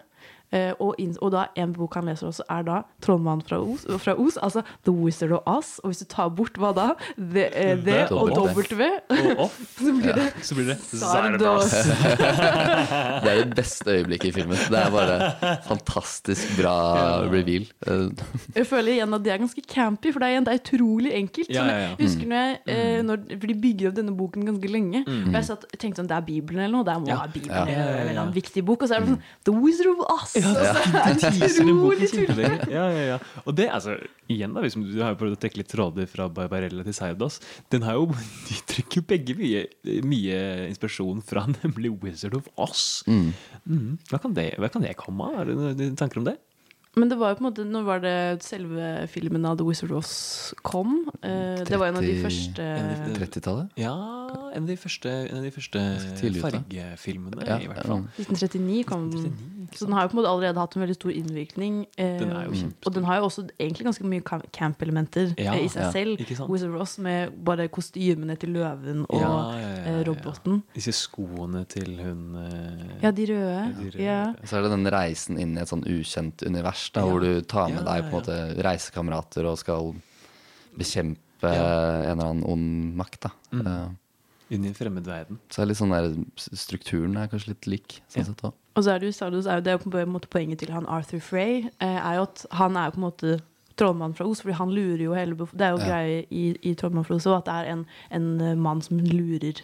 Han står egentlig bak dette grønne um, hva heter det, teppet teppet og later som han er en sånn kjempesterk eh, gud. Mm. Uh, og dette flyvende grønne hodet. Mm. Og det er akkurat det Arthur, Arthur Frey også gjør i 'Sardos', at han er dette flyvende uh, steinhodet. Ja, det er på en måte mer illusjonen som er viktig, enn at han faktisk har makt. Men han er jo en slags sånn gjøglerkarakter. Han derre Friend, eh, Arthur Friend. Ja, Arthur, Arthur Frey. Ja, han, der, han starter jo filmen som Ja, et sånn flyvende hode som forklarer Som en sånn DVD Sånn Windows-greie. Og den tegnede barten. Ja. Ja, Skjegget også, det er kjempegøy. Sminken i denne filmen er ganske kul. Det er Eh, ganske morsomt, faktisk. Eh, og vi har jo helt glemt å snakke om den scenen helt i starten hvor da vi blir introdusert for eh, dette steinhodet. Eh, som da liksom har en sånn tale om at penis is evil, the gun is good. hvor det da spruter ut masse våpen ut av den åpne munnen til dette steinhodet. Som disse, disse da brutals bare tilber det. Det er, det, er veld, det er veldig gøy! Det er rett og slett veldig gøy. Og den siste halvtimen er jo egentlig bare det, er det, når, når, det er jo på en måte det at jeg var glad for at jeg så den med noen. Fordi etter den halv, eller når den halvtimen begynte, for det er jo da på en måte bare en kjempelang monolog Mm. om livet og uh, som du nevnte i stad, Alexander, bare det hva er, hva er det å leve? Mm. Hva er det verdt å leve om man ikke kan gjøre uh, morsomme ting? Og jeg husker ingenting av den halvtimen. Det var bare utrolig mye fint visuelt. Ja. Mm. masse speil og masse sånn kamerabruk som bare gikk veldig fort forbi Mm. elementer. Det var veldig mye sånn rart. Veldig, veldig rart. Men fint. Han er jo sånn inni det som heter tabernacle, som er en slags eh, eh, kunstig intelligens som har Ja. all menneskelig kunnskap samlet i seg, som du kan spørre han om ting og Det er en diamant. Ja, og en ring også. Og en ring, ja, Ja. som de kommuniserer med. Ja. Ja, det, det, ga- ja. mye forvirrende elementer i denne filmen også. Veldig. Ja. Det var en sånn Interstellar-aktig slutt. så- Når det kommer inn i den der Tesseract. Men jeg hater slutt på Interstellar, så det er egentlig veldig dumt at jeg liker denne så godt. Det gir ikke mening. Det gir ikke mening. Ja, ja, ja. Men det er heldigvis mer død i slutten av denne filmen enn det er i Interstellar. Vel, ja, mange, all, nesten alle dør. Ja, nesten eh, alle dør. Ja. Ja. Er det en lykkelig slutt? Ja. Ja, de, de vil jo dø. Det Blir jo frigjort, Ja, på en måte. disse Eternals, de er jo det de ønsker. De vil jo, bli, Mm. de vil jo det. Og den siste sekvensen med da um, Sean Connery og uh, sin da kone, blir kone, eh, Ja. Ja. og sønnen. Og for sønnen. Så hvor hvor de sakte, men sikkert blir eldre. Og jeg følte det var en fin Det var egentlig litt Ikke vakkert. som de hadde det egentlig. Det gikk bra. Fikk en sønn. Ikke sant? Og det er liksom de, de to verdener møtes. Både den liksom brutale og voldelige og lystbærende, lyst, og liksom den intellektuelle og demokratiske. Det er på en måte en sønn av, av, av begge verdener. Herregud, nå får det til å høres kjempebra ut. Kanskje, kanskje jeg var litt Det er streng. det. Det er det. Jeg burde, jeg burde se den på nytt. Ja, burde, ja, kanskje Ta med deg noen kompiser, eh, se den på en lørdag kveld. og Gi det- gi det Jeg tror kanskje det er, er hemmeligheten bak, eh, bak Sidos. Men eh, nå skal vi eh, gå videre til å snakke om en, en ny film som i hvert fall klarer seg veldig godt med noen venner og med noe øl, nemlig Predator. Men før vi snakker om den, så skal vi nemlig høre en liten sang som heter 'Kanskje det var like greit' av Johan Berggren.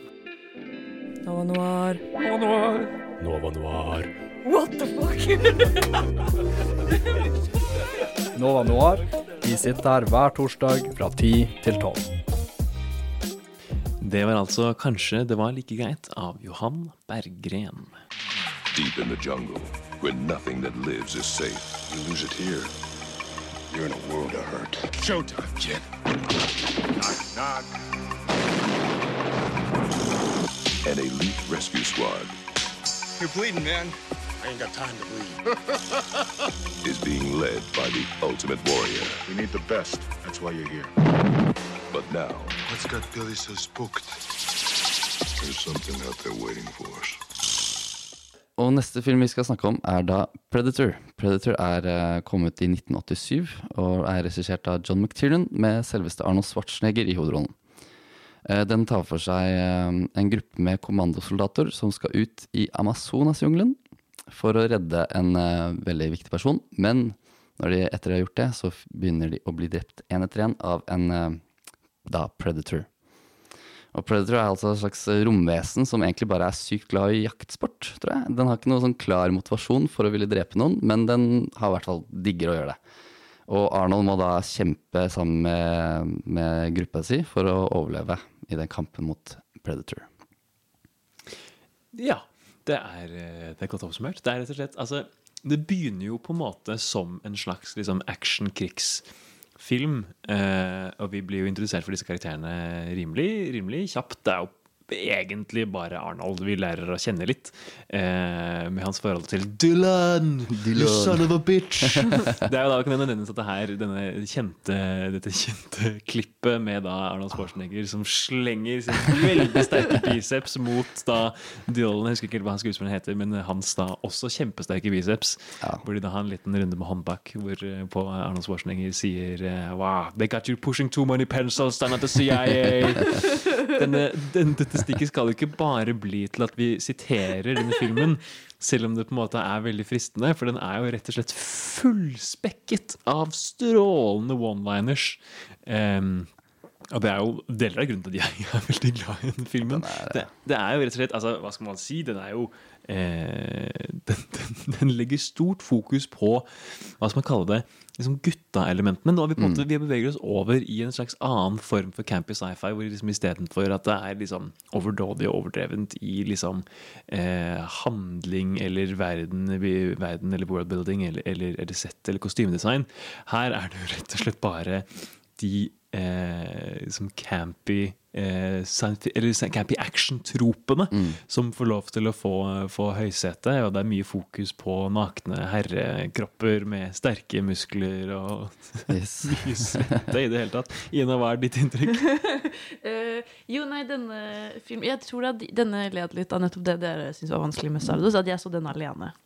Men eh, jeg syns den var kjempemorsom når den begynte. Da var det veldig Jeg syns det var mye bra sitater, nettopp, eh, som jeg skrev i notatene mine. Muskler! Utropstegn! Utropstegn. eh, og eh, jeg syns bare generelt det var veldig gøy. Og jeg syns også det var morsomt at de bare hoppet De får egentlig ikke noe handling. Det bare, det tror det tar sånn ti minutter, og så er de ute i skogen og eh, prøver å rømme fra Predator. Predator. Og, men det er det at jeg syns den begynte veldig bra.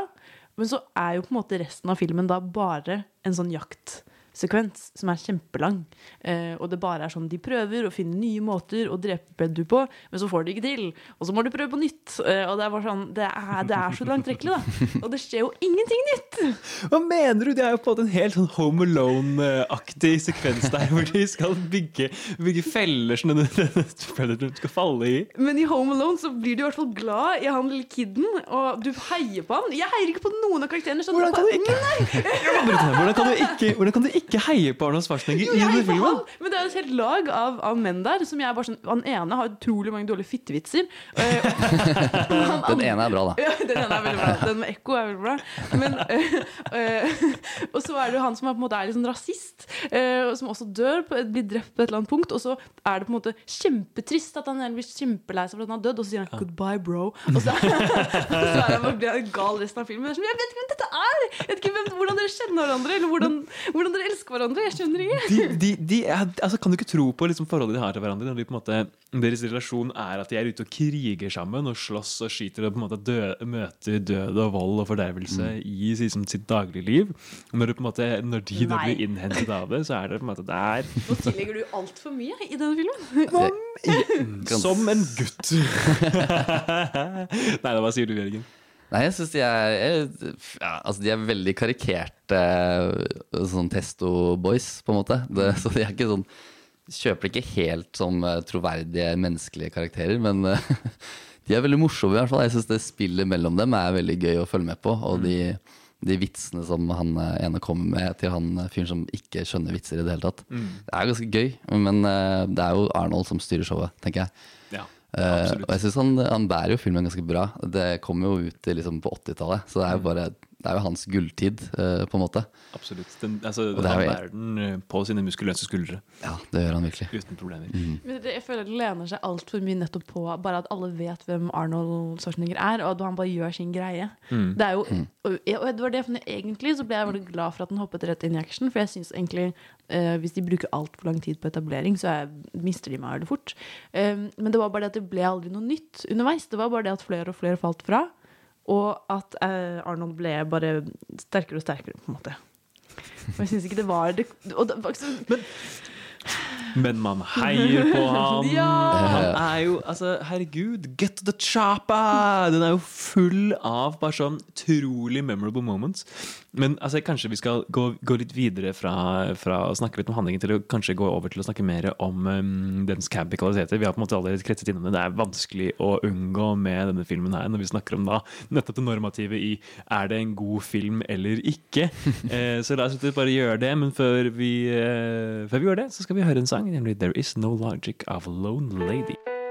Er Inglourious Bastards den beste Tarantino-filmen? Nei, det er jo ikke det. Det er ikke det. Det er, er det noen som mener noen av dere det? Nei. Sånn helt Ja. Du mener det? Ja. Film er best på radio. Nova Noir. Det var altså 'There Is No Logic of Lone Lady'. Og nå skal vi eh, inn i vårt neste stikk her, som skal handle mer om hva da, den campy verdien til, til eh, filmen eh, Predator.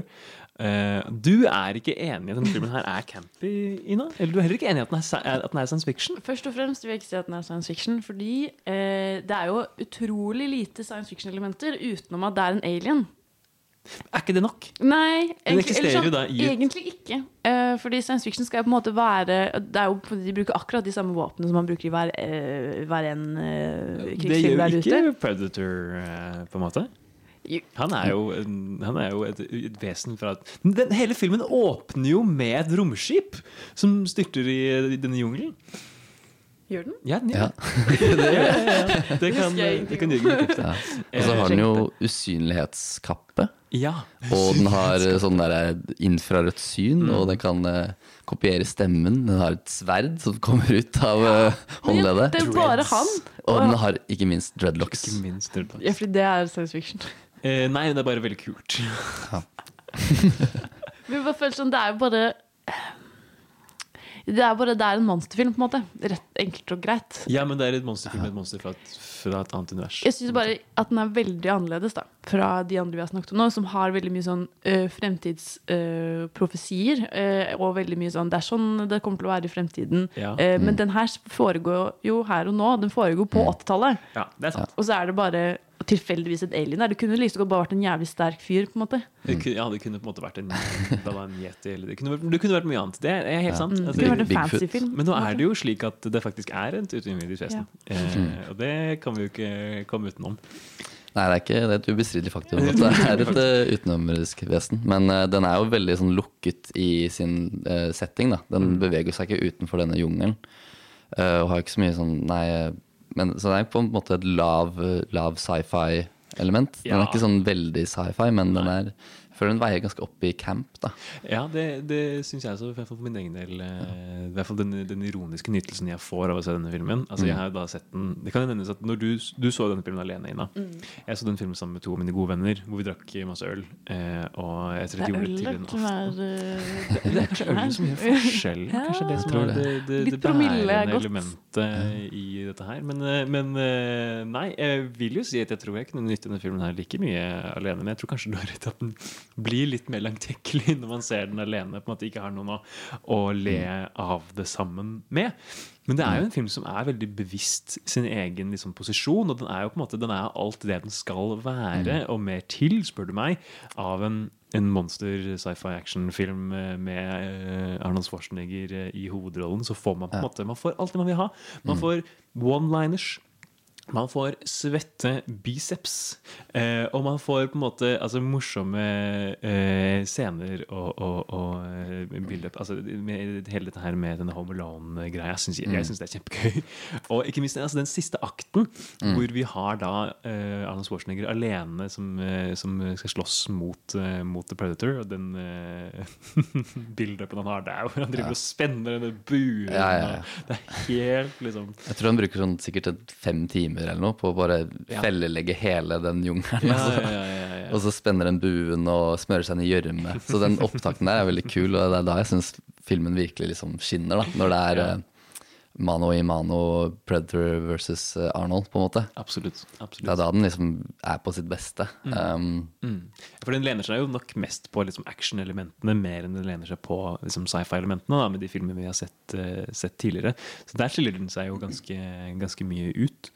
Eh, Mm. Men jeg føler samtidig at den har på en måte Den har mye lignende Det, det ligner på en måte veldig i liksom dette her med den campheten, da, men måten man, man tilgår den på, og, og øh, verdisetter den. Eh, I hvert fall syns jeg at den store verdien som kommer ut i denne filmen, her er å sette seg ned sammen sammen med sine venner, drikke noe øl og rett og slett bare le gjennom det hele. Og heie og hoie, bare som blir liksom rett og slett bare la seg rive med i dette universet. Det er en ganske lettbeint film, sånn sett. Ja. Altså den, den Det er på en måte Som du sier, at den, er bare, den vet jo hva den er, og hva den lover. Og det, det har den jo. Ukomplisert action. Mm.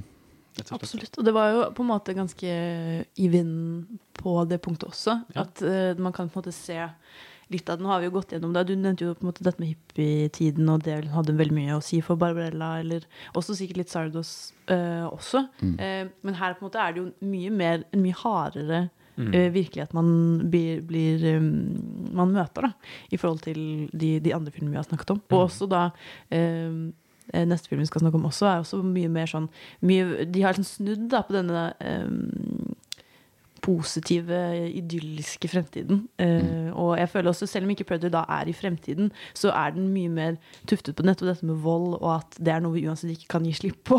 Mm. Og det er jo sånn uunngåelig. At mennesket, det er vår eh, Det er det vi har, klarer godt, da, er vold, på en Mm. måte. Så føler jeg at Predator er jo veldig sånn pro-vold, på en måte. Den, eller den dyrker vold. Det er en veldig voldsforleggende film. Det er jo mye groteske scener hvor det river ut ryggraden på folk, og Ja, ja, ja. folk blir jo flådd og sånn. Og det er fem minutter hvor de bare kapper ned jungelen med Ja. maskingevær. Maskingevær. Og det føler jeg på en måte Neste film, da, Starship Troopers, på en måte snur litt på det igjen, og er mer sånn anti-vold, antimilitære. Mm. Uh, mens denne er litt mer sånn Ja, det er, egentlig, jeg tror egentlig det blir veldig interessant å gå inn i Starship Troopers og se på hvordan den eh, spiller på elementer både fra Predator og fra de andre campy science fiction-filmene vi har snakket om tidligere. Mm. Jeg tror kanskje vi bare skal gjøre det. Skal vi ikke det? Hoppe rett videre til, eh, til Starship Troopers. Men før vi gjør det, så skal vi høre en sang, nemlig Where Are You? A Blow Away. Og nå er vi drøye! Og så er det sånn, men dere er jo egentlig ikke det. Nova Noir. Det var altså Where Are You? A Blow Away. In every age, there is a cause worth fighting for. But in the future, the greatest threat to our survival will not be man at all.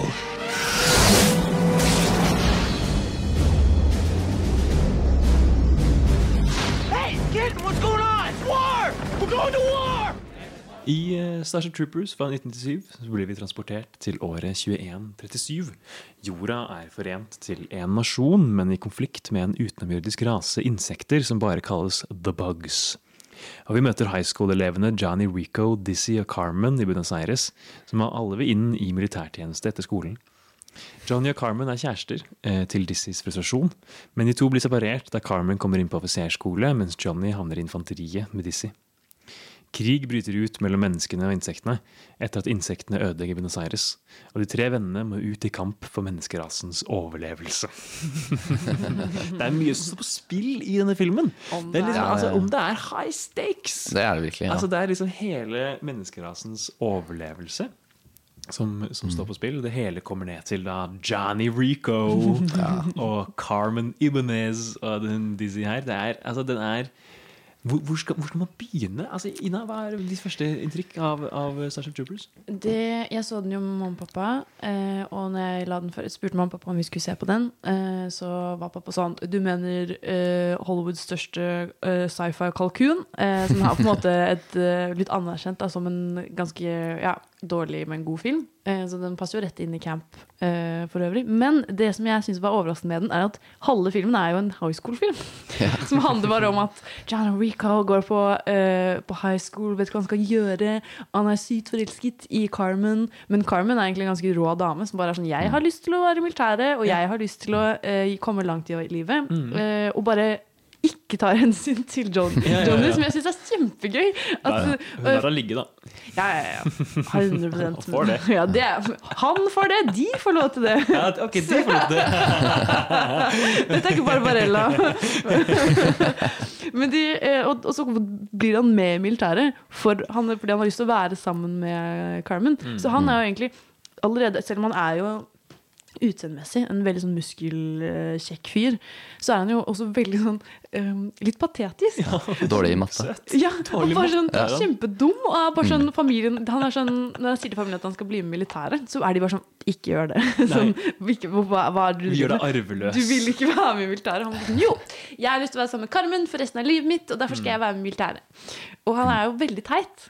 Så han bryter jo allerede Han er ikke så tøff, men han ser veldig tøff ut. Så han er på en måte utseendemessig veldig bra, men eh, han er ikke en Arnold personlig, kanskje. Nei, nei, Nei, ikke en Arnold.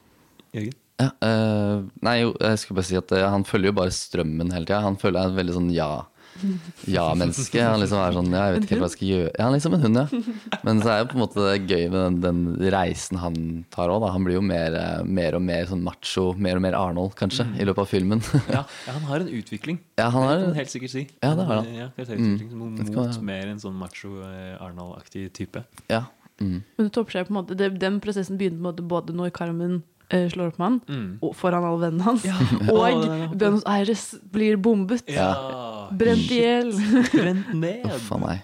Alt de kjenner, borte i Mm. asken. Ja. Foreldrene også blir jo stryker vel med i den eh, Ja, de- gigantiske eksplosjonen her. De blir jo aldri, de blir aldri påpekt eller nevnt, egentlig, men man må jo regne med det. Ja, det var, hele byen blir jo Ja, totalutslettet. Men akkurat Buenos Aires også. Det er veldig sånn Ja, ja, ja, beleilig. Det er- beleilig for handlingen. Beleilig, beleilig forhandlingssted. Mm. Passer godt. det. Eh, Det er jo veldig mye elementer i denne filmen som vi er nødt til å touche innom. Men jeg tenker vi kan begynne med liksom, altså fordi filmen, eh, Gjennom hele filmen så får man på en måte se litt ting fra liksom, et perspektiv av en slags eh, propagandamaskin som liksom forteller liksom de, historier om, om eh, om eh, galaksens kamp eller mot jordas kamp mot the bugs. Avbrutt av 'Would you like to know more?' Would you like to know more? Og det, det, det, er, det er kjempekult. Jeg syns virkelig denne filmens estetiske uttrykk er, er helt rått. Hva syns du, Jørgen? Jeg syns det er ganske skarp eh, satire også. Altså, den starter jo med denne propagandareklamefilmen hvor de det kommer en gjeng med soldater og viser automatgevær til barn og gir de Mm. kuler. Ja, ja, ja. Og, og det var sånn der Veldig sånn eh, Egentlig ganske tydelig at det er sånn uh, fascist-metafor-kritikk, da. Ja, ja, ja. Uniformene de har på seg også er utrolig like sånn nazi-uniformer. Ja, ja, ja, ja. ja. uniformen til han, eh, han eh, Barney Stinson fra Met Your Mother. Ja, han spiller jo på en måte bare nazioffiser. Ja. Han blir veldig sånn kald etter hvert òg, i løpet av filmen. Ja, ikke så han blir mer og mer sånn eh, hjernevasket og Mm. institusjonalisert av det der eh, føderasjonen, da, som er på en Mm. måte den eh, er det der eh, militærstyret de har, Ja. som kontrollerer på en måte alle aspekter av livet. Og du må på en måte verve deg i militæret for å kunne få stemmerett. Og Ja, det er masse sånne, sånne småting som er veldig gøy. Mm. Mm. Eh, Altså, apropos det du sier med Jeg syns at worldbuildingen er veldig veldig spennende i filmen. Fordi jeg får også veldig lyst til å vite mer. Eh, apropos det Would you like no more? Men eksempel det at uh, de nevner Det er en runde hvor alle spør meg hvorfor er du i militæret. Og så er det en dame for eksempel, som sier jeg har lyst på barn. Eh, Og da, da kommer jeg le fort. Og da altså insinuerer hun at uh, du, det er en slags kø, da, et slags køsystem, og hvis Mm. du da har vært i militæret, så kommer du lenger fram i køen for Eller å få må- barn. Eller du må ha vært i militæret for for å få barn. Ja, du blir fast tracka i hvert fall. For det er sånn vanlige sivile får liksom ikke de samme godene som de eh, som har vært i militæret får. da. Mm. Så det er veldig sånn morsom kritikk mot uh, amerikanske Ja. samfunn mest, kanskje. Ja, absolutt. Det er jo på en måte en slags ekstremversjon av liksom et, en slags liksom romersk samfunn, hvor det bare er Mm. liksom en elite som har stemmerett. Som enten liksom har fått den gjennom, gjennom, eh, gjennom utdannelse og på en måte elitestatus, eller gjennom soldatbragder. Og så er det for en scene hvor de dusjer, og så dusjer både kvinnene og mennene sammen. Det er en Ja. unisex dusj, og jeg ble bare sånn wow.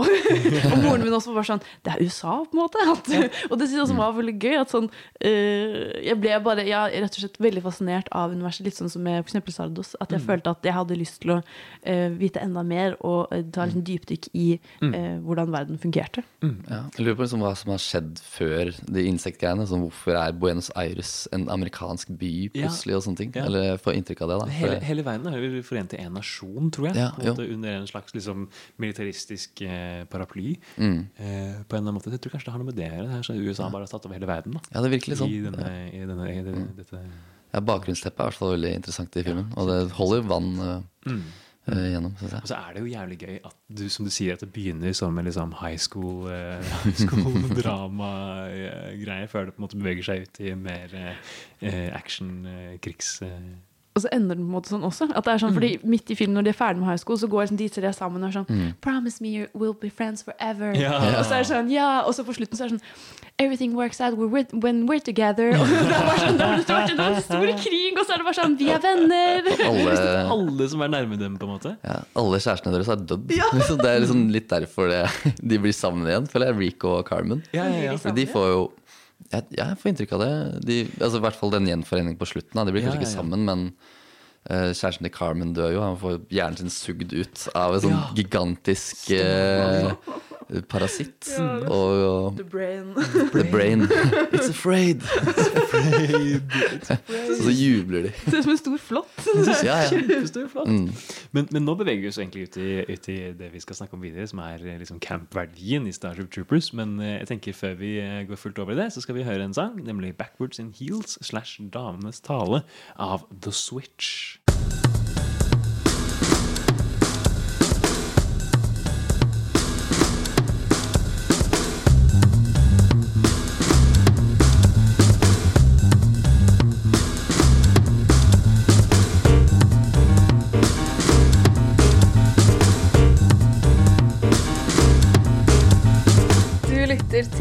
Noir hver torsdag 10-12 eller på podkast når du vil.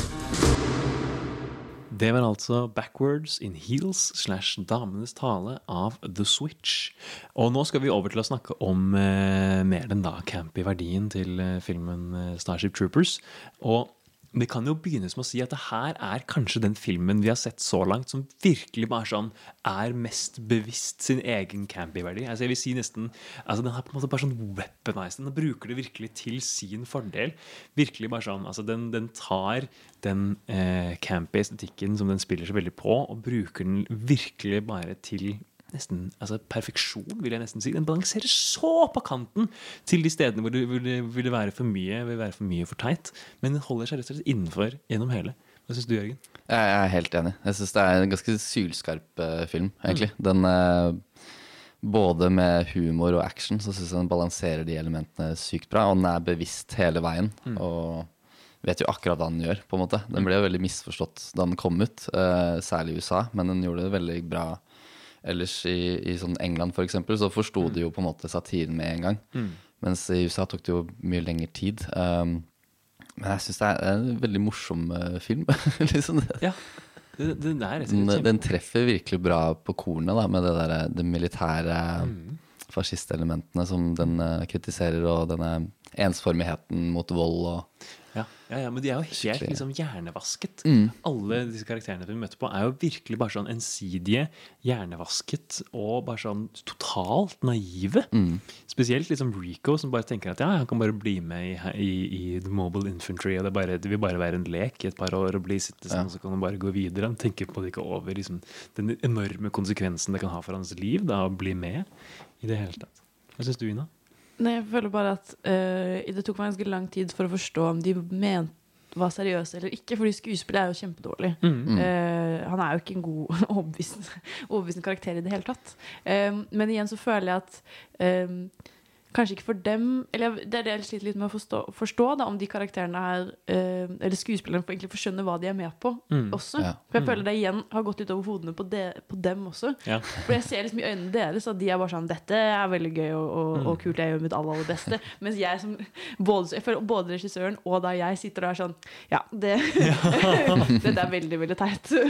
Ja, jeg tror det er et sånn bevisst valg fra regissøren, da, eh, Paul Verhoeven. Mm. Og at han har casta disse kjempepene, Mm. unge, vakre folkene til å delta i en sånn brutal krig. Ja. Hvor det liksom på en måte skal være sånn tilsmykket og fint. Uh, altså selve krigføringen, da. Mm. For det er jo ganske, det er ganske sånn fint, uh, koselig sånn high school-romantisk greie. Fram til et punkt hvor det bare snur fullstendig og blir en sånn eh, det er en ganske brutal uh, film, egentlig. Ja, rett og Eh, slett. Det er på en måte American Pie hvis det foregikk i et fascistisk univers, og det var krig.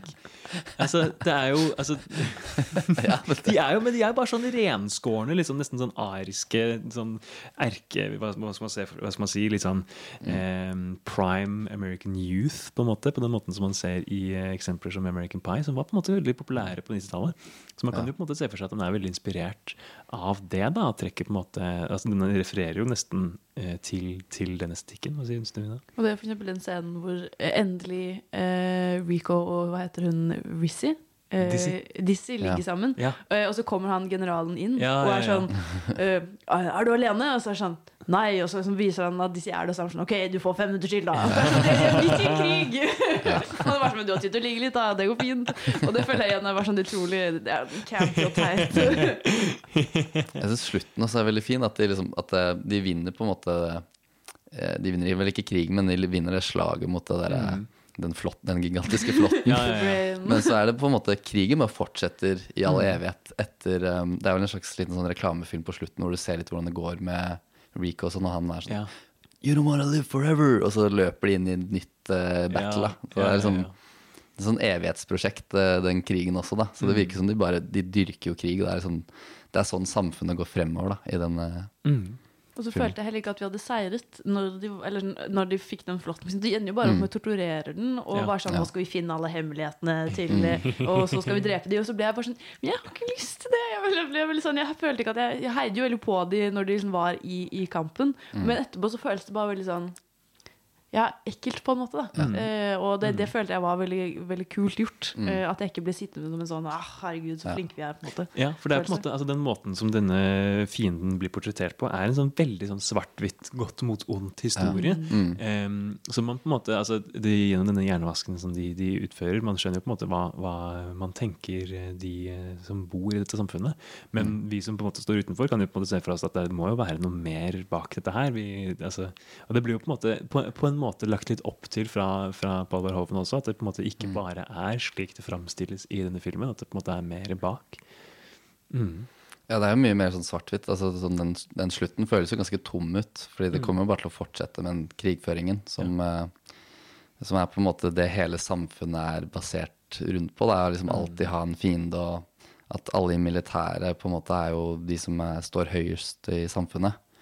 Så de må jo på en måte tjene på det. Eller, så da Jeg tror det er vel et poeng i filmen at den, når Buenos Aires sprenger, så er de tror at det er uh, disse insektene som har skutt et eller annet ut i, ut i været. Da. Mm.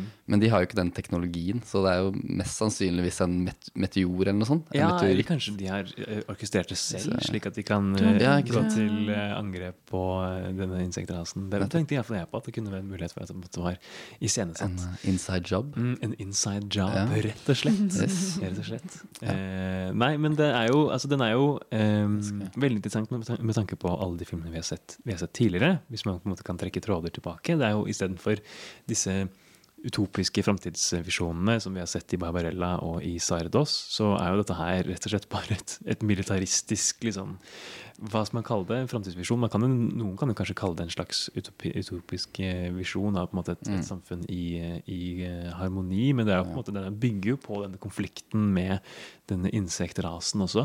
Det er jo tydelig at det på en måte ikke det er ikke rom for veldig mye annen tankegang enn det som blir eh, fortalt gjennom, gjennom staten. Eh, og så er det også liksom elementer fra Predator, denne action-monster eh, monsterdelene. da. Den trekker på en måte litt fra alt det vi har sett fram til nå, og virkelig bare gjennom, eh, gjennom å være virkelig selvbevisst og liksom på laget til publikum, mer enn på laget til den, det som blir vist på skjermen, så føler man virkelig at det er på en måte det er en, en, eh, en utrolig interessant seeropplevelse. Rett og slett. Ja, helt enig. Mm. Er det noe mer å si, nå? Nei, jeg var, jeg var veldig enig i, i det du hadde å si. Det, var en, det er en veldig god oppsummerende film, på en måte. At den, um, og igjen da uh, føler igjen at også 90-tallet bare var en veldig sånn Nå kan vi kombinere. Det Mm. ser man i veldig mange Mm. andre sjangere òg. F.eks. Mm. Uh, en helt annen sjanger, som vampyrsjangeren også. På 90-tallet så begynte man også å kombinere mye mer uh, på tvers av sjangerne. Det var Ja. ikke bare rent action, det var ikke bare rent romantiske filmer. på en måte Mm. Uh, og det syns jeg altså Starter Troopers gjør veldig godt. At det er jo bare en en, en stor gryte med, Mm, som er ja. utrolig godt løst, da, egentlig. Mm. Og veldig veldig selvbevisst. Nesten litt for selvbevisst for noen, da. Ja. Potensielt. Ja, det kan jeg tro. Men jeg synes, altså for min del så balanserer den akkurat på kanten av der den skal være. Den holder seg liksom, Jeg Mm. syns det er så imponerende hver gang jeg ser den, hvor liksom hvor nærme det er. da At det blir for mye. Men det blir aldri for mye. Ja, det bikker aldri over. Det er ganske imponerende. Det er så kjempeimponerende. Men eh, la oss eh, sette punktum for Starship Troopers eh, der, og bevege oss over i eh, vårt eh, avsluttende stikk. Men eh, før det så skal vi høre 'Bak en sliten metafor' av Benjamin Minimal. Du Du Du hø hø hører på. på Radio Nova. Bak en sliten metafor av Benjamin Minimal. Og for å avslutte her, knytte en liten sløyfe rundt vår lille campy science fiction-sending, så kan vi jo eh, kanskje oppsummere med å si at eh, disse filmene er jo på en måte de har jo eh, sine elementer som man kan trekke en slags nytelse ut fra, men vi kan vel konkludere med at de alle nytes best i godt selskap, og kanskje med noe godt i glasset. Eh, men eh, vi syns jo alle sammen at det har vært en eh, morsom sending og mye morsomme film vi har fått lov til å se. Og kanskje, i hvert fall i tilfelle med Plan 9, en film som kanskje i hvert fall ikke skal ses igjen, men som er greit å kanskje kunne ha, eller ha sett. Eh, og så kan vi heller kanskje få se noe eh, film med fokus på hvor bra det er neste gang, istedenfor å se på film med fokus på hvor potensielt morsomt det er. Eh, har du noen avsluttende ord du vil få med, Ina? Eh, jeg vil bare nevne noen honorable mentions som ikke eh, nådde sending i dag. Demolition Man, som jeg nevnte tidligere i dag, men også Repo Man. Ja. Med Mhm. sønnen til uh, Martin Sheen. Mm, Emilio Estevez. Ja. Veldig punkefilm. Ja. egentlig. Ja. Absolutt. Veldig rar, men veldig Ja. kul. Estetikk. Mm. Verdt å se. Mm, verdt å se. Hva med deg, Jørgen? Nei, jeg har egentlig ikke så mye. Jeg syns vi har oppsummert det ganske greit. Det har jo Du får sett alle de morsomme filmene. Jeg har fått, jeg har fått sett alle sammen. Det var jo det var fint å krysse av eh, Plan 9. Jeg har jo hørt om den veldig lenge. Så det var så- det var jo gøy å få sett den, men eh, det frister ikke til mersmak akkurat. Nei, akkurat. Kanskje Dessverre. ikke mer Ed Wood med det aller første. Kanskje hvis det kommer noe drikkelag og vi Ja, ikke sant? slenger på en dårlig Mm. film. Da kan en det det finnes sikkert en drikkelek til Plan 9 eh, som du kan få tak i der ute. Ja, Mm. det vil jeg tro. Ikke det at vi her på Radionova oppfordrer uh, til drikkepress der hjemme, men uh, vi kan jo i hvert fall si at det, det egner seg godt.